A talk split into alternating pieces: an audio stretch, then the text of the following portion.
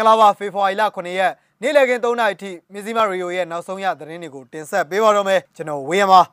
ရွှေဘုံမြို့နယ်ကျေးရွာနှစ်ရွာမှာရှိတဲ့စစ်ကောင်စီတပ်သားတွေနဲ့ပြူစောတိဆိုတဲ့သူတွေ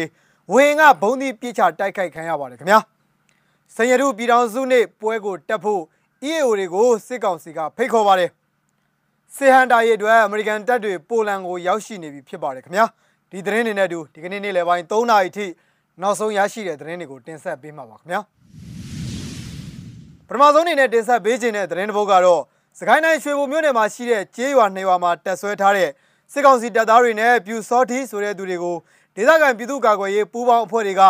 ဤပညာသုံးပြီးဝဟင်ကနေဘုံသီးပစ်ချပြီးတော့တိုက်ခိုက်ခဲ့ကြောင်းသိရပါတယ်ခင်ဗျာမနေ့ကဖေဖော်ဝါရီလ6ရက်နေ့မနက်ပိုင်း7:15မိနစ်အချိန်မှာမြင်းချင်းကျေးရွာစာသင်ကျောင်းအနီးမှာရှိတဲ့ပြူစောတိတွေကိုတိုက်ခိုက်ခဲ့ပြီးအဲ့ဒီနေ့ညနေ4နာရီမိနစ်30အချိန်မှာပဲဒီသီတော်ကျေးရွာမှာရှိတဲ့ပြူစောတိနဲ့ စစ်ကောင်စီတပ်သားတွေကိုတိုက်ခိုက်ခဲ့တာလည်းဖြစ်ပါတယ်မြင်းချင်းရွာစာတင်ကျောင်းမှာကပြူနဲ့စစ်ကောင်စီတပ်သားတွေရှိတယ်ဆိုတာကိုသတင်းရရှိပါတယ်စစ်ကောင်စီတပ်သားက6ဦးလောက်ရှိမယ်ပြူကတော့25ယောက်လောက်ရှိမယ်ဒါကိုဒရုန်းနဲ့လက်လုံမိုင်းနှလုံးချပြီးတော့တိုက်ခိုက်တာပါ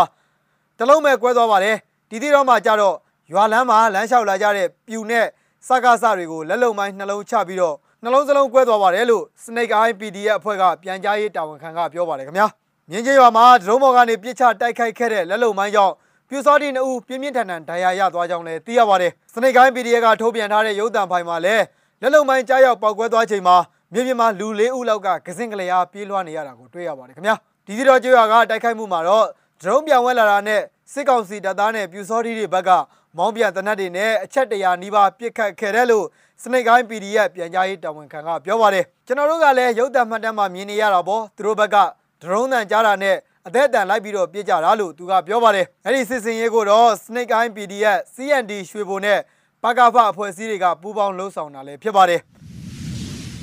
နောက်ထပ်သတင်းတစ်ပုဒ်အနေနဲ့လာမယ့်ဖေဖော်ဝါရီလ12ရက်နေ့မှာကြာရောက်မဲ့စင်ရတုပြည်တော်စုနေ့ပွဲကိုတက်ဖို့မြန်မာနိုင်ငံလုံးမှာရှိတဲ့တိုင်းသားလက်နက်ကိုင်အဖွဲ့ EAO တွေကိုအာဏာသိမ်းစစ်ကောင်စီကဖိတ်ခေါ်လိုက်ပါတယ်တနိုင်ငံလုံးအပြည့်ရစာချုပ် NCA လက်မှတ်ထိုးထားတဲ့ EAO တွေနဲ့ NCA လက်မှတ်မထိုးရသေးတဲ့ EAO တွေကို ဖေဖော်ဝါရီလ6ရက်နေ့မှာထုတ်ပြန်ချက်စာတစောင်ထုတ်ပြန်ပြီးဖိတ်ခေါ်တာလည်းဖြစ်ပါတယ်။စီယန်ရုပြည်ထောင်စုနေ့ပွဲတက်ရောက်စဉ်ကာလတွင်ဒီမိုကရေစီနဲ့ဖက်ဒရယ်စနစ်ကိုအခြေခံတဲ့ပြည်ထောင်စုတည်ဆောက်နိုင်ရေးအတွက်ရည်ရွယ်ပြီးထာဝရငြိမ်းချမ်းရေးအကျိုးညှိနှိုင်းဆွေးနွေးပွဲတရက်ပြုလုပ်မှာဖြစ်ပြီးဆွေးနွေးပွဲကိုတော့ EAO တွေတက်ရောက်ဖို့ဆွေးနွေးကြဖို့အထူးဖိတ်ကြားပါကြောင်းစစ်ကောင်စီဘက်ကဆိုပါတယ်။ဒါပေမဲ့လည်းဆွေးနွေးပွဲမှာတော့အကြမ်းဖက်အဖွဲ့ဖြစ်တဲ့ချင်းညာထားခံရသူတွေမပါဝင်ကြောင်း စစ်ကောင်စီရဲ့ထုတ်ပြန်ချက်အရသိရပါတယ်။ထုတ်ပြန်ချက်မှာလည်းငြိမ်းချမ်းရေးဆွေးနွေးရမှာဆွေးနွေးမဲ့အကြောင်းအရာနဲ့ပတ်သက်ပြီးကြိုတင်ကန့်သက်ချက်မထားဘဲတနိုင်သမျှလွတ်လွတ်လပ်လပ်နှီးနှောဖလှယ်နိုင်ဖို့ရည်ရွယ်ထားရှိကြောင်းပါရှိပါတယ်။ဒါပြင်စစ်ကောင်စီကအဲ့ဒီဆွေးနွေးပွဲကိုမြောက်ပိုင်းမဟာမိတ်အဖွဲ့ဝင် EAO တွေတက်ရောက်နိုင်ရေးကူညီပေးဖို့တရုတ်နိုင်ငံကိုအကူအညီတောင်းထားကြောင်းလဲစုံစမ်းသိရှိရပါတယ်။လက်ရှိမြန်မာနိုင်ငံမှာ NCA လက်မှတ်ထိုးထားတဲ့ EAO 10ဖွဲ့ရှိပြီးလက်မှတ်မထိုးရသေးတဲ့ EAO 10ဖွဲ့ရှိပါတယ်ခင်ဗျာ။နိုင်ငံရေးလေးလာသူအချို့ကတော့ စစ်ကောင်စီဘက်ကအကြီးအကျယ်ပြင်ဆင်ထားတဲ့စစ်ကောင်စီရဲ့ဆွေးနွေးပွဲကို EAO အများစုတက်ရောက်နိုင်ခြေနည်းနေကြောင်းခန့်မှန်းထားကြပါတယ်ခင်ဗျာနိုင်ငံတကာသတင်းတွေဘက်မှာတော့စစ်ဟန်တာရေးအတွက်အမေရိကန်တပ်တွေပိုလန်ကိုရောက်ရှိလာပြီဆိုတဲ့ AFP ရဲ့သတင်းတစ်ပုဒ်ကိုလည်းဆက်လက်ပြီးတော့တင်ဆက်ပေးကြပါမယ်ခင်ဗျာရုရှားနဲ့တင်းမာနေတာကြောင့်စစ်ကူအားဖြည့်ရေးအတွက်ဒစိမ့်တစ်ပိုင်းအနေနဲ့ပိုလန်နိုင်ငံစီကိုအမေရိကန်တပ်ဖွဲ့ဝင်တွေတနင်္ဂနွေနေ့မှာရောက်ရှိလာပါတယ်ခင်ဗျာဘယ်လိုစစ်ရေးရွေချက်ကိုမဆိုဟန်တားဖို့အတွက်နဲ့ လိုအပ်ရင်နေတိုးအုပ်စုကိုကာကွယ်ပေးဖို့အတွက်အခုလိုစစ်ရေးအားဖြည့်တာဖြစ်တယ်လို့အမေရိကန်တပ်မှူးကပြောပါတယ်အမေရိကန် Fortress ခြေဆိုင်အမှတ်82လေတပ်တပ်ရင်းကလေဒီစစ်သည်တွေဟာအမေရိကန်လေတပ် Boring C-17 လေယာဉ်နဲ့ပိုလန်နိုင်ငံအရှေ့တောင်ပိုင်းလေဆိပ်စီကိုဂရင်းနစ်စံတော်ချိန်73နာရီမှာဆိုက်ရောက်လာခဲ့တာလည်းဖြစ်ပါတယ်အခုစစ်အင်အားဟာကျွန်တော်တို့ရဲ့ပိုလန်မဟာမိတ်တွေနဲ့အတူစစ်ရေးအသင့်ရှိမှုအတွက်ဒီမှာရှိနေမှာဖြစ်ပါတယ် လိုအပ်ရင်နေတိုးအဖွဲ့ဝင်တိုင်းကိုကာကွယ်သွားမှာဖြစ်ပါတယ်လို့ဒီတရင်ကိုကဲရေးအရာရှိခရစ်ဒိုနာဟူကလေစိတ်မှာသတင်းတောက်တွေကိုပြောပါတယ်ခင်ဗျာအခုစစ်တပ်လာတက်ဖြတ်တာဟာဘယ်လိုစီရေးရည်ချက်မျိုးကိုမဆိုတားဆီးနိုင်မှုအတွက်ကြိုတင်လုပ်ငန်းစဉ်ပဲဖြစ်တယ်ခုခံကာကွယ်ရေးအတွက်ပါပဲလို့ဒိုနာဟူကဆိုပါတယ်ခင်ဗျာယူကရိန်းနယ်စပ်မှာရုရှားတပ်တွေတပ်ဆွဲထားတာကိုရုပ်သိမ်းဖို့အတွက်တွန်းအားပေးတဲ့အနေနဲ့ဂျာမနီနဲ့အရှေ့ဥရောပမှာအမေရိကန်တပ်အင်အား3000တပ်ဖြတ်မယ်လို့ပြီးခဲ့တဲ့သတင်းပတ်ကအမေရိကန်ကကြေညာခဲ့တာပါ နေတိုးရဲ့အရှေ့ဘက်တောင်ပံဖြစ်တဲ့ပိုလန်ရှေ့တောင်ပိုင်းမှာအမေရိကန်စစ်သား1900တပ်ဆွဲလိမ့်မယ်ဆိုပြီးပိုလန်ကာကွယ်ရေးဝန်ကြီးမာရုစ်ဘလက်ရှီကလည်းပြောထားပါတယ်ကွန်မြူနစ်အဖွဲ့ဝင်နိုင်ငံဟောင်းဖြစ်ပြီးယူကရိန်းနဲ့နယ်စပ်ထိစပ်နေတဲ့ပိုလန်နိုင်ငံဟာ1996ခုနှစ်မှာနေတိုးအဖွဲ့ဝင်ဖြစ်ခဲ့ပါတယ်။ပိုလန်မှာအလှည့်ကျအဖြစ်အမေရိကန်တပ်အင်အား4500ဝန်းကျင်တပ်ဆွဲထားပြီးသားလည်းဖြစ်ပါတယ်ခင်ဗျာ။ဒီကနေ့နေ့လယ်ပိုင်းရဲ့နောက်ဆုံးသတင်းတစ်ပုဒ်အနေနဲ့ကဏီမြို့နယ် ပြည်သူ့ကာကွယ်ရေးတပ်ဖွဲ့ကြောင်လုံးကြီး KLG PDF ရဲ့အမတ်စင်ကတင်နန်းစင်ပွဲကိုလည်းဖွင့်ပြပေးခြင်းပါတယ်ခင်ဗျာ။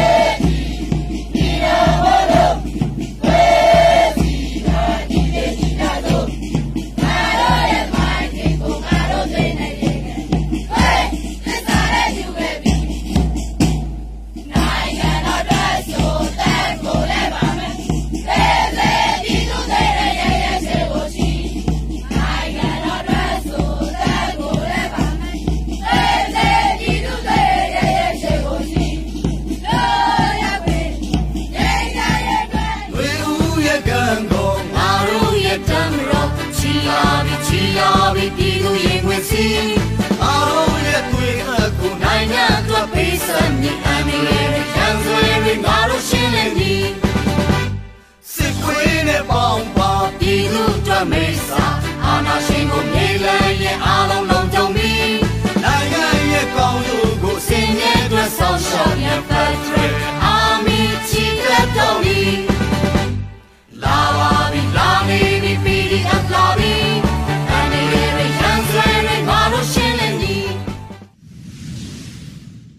ဖေဖော်ဝါရီလ9ရက်နေ့လည်ခင်း3နာရီထိနောက်ဆုံးရရှိခဲ့တဲ့သတင်းတွေကိုတင်ဆက်ပေးခဲ့တာပါခင်ဗျာမဇီမာရေဒီယိုကိုစောင့်မျှော်နားဆင်ကြတဲ့ပရိသတ်အပေါင်းကိုစိတ်နှဖျားကျမ်းမာချမ်းသာကြပါစေလို့ဆုမွန်ကောင်းတောင်းလိုက်ရပါတယ်ထူးခြားတဲ့သတင်းတွေနဲ့အတူကျွန်တော်တို့မကြခင်မှာပြန်လည်ဆုံတွေ့ကြပါမယ်ခင်ဗျာ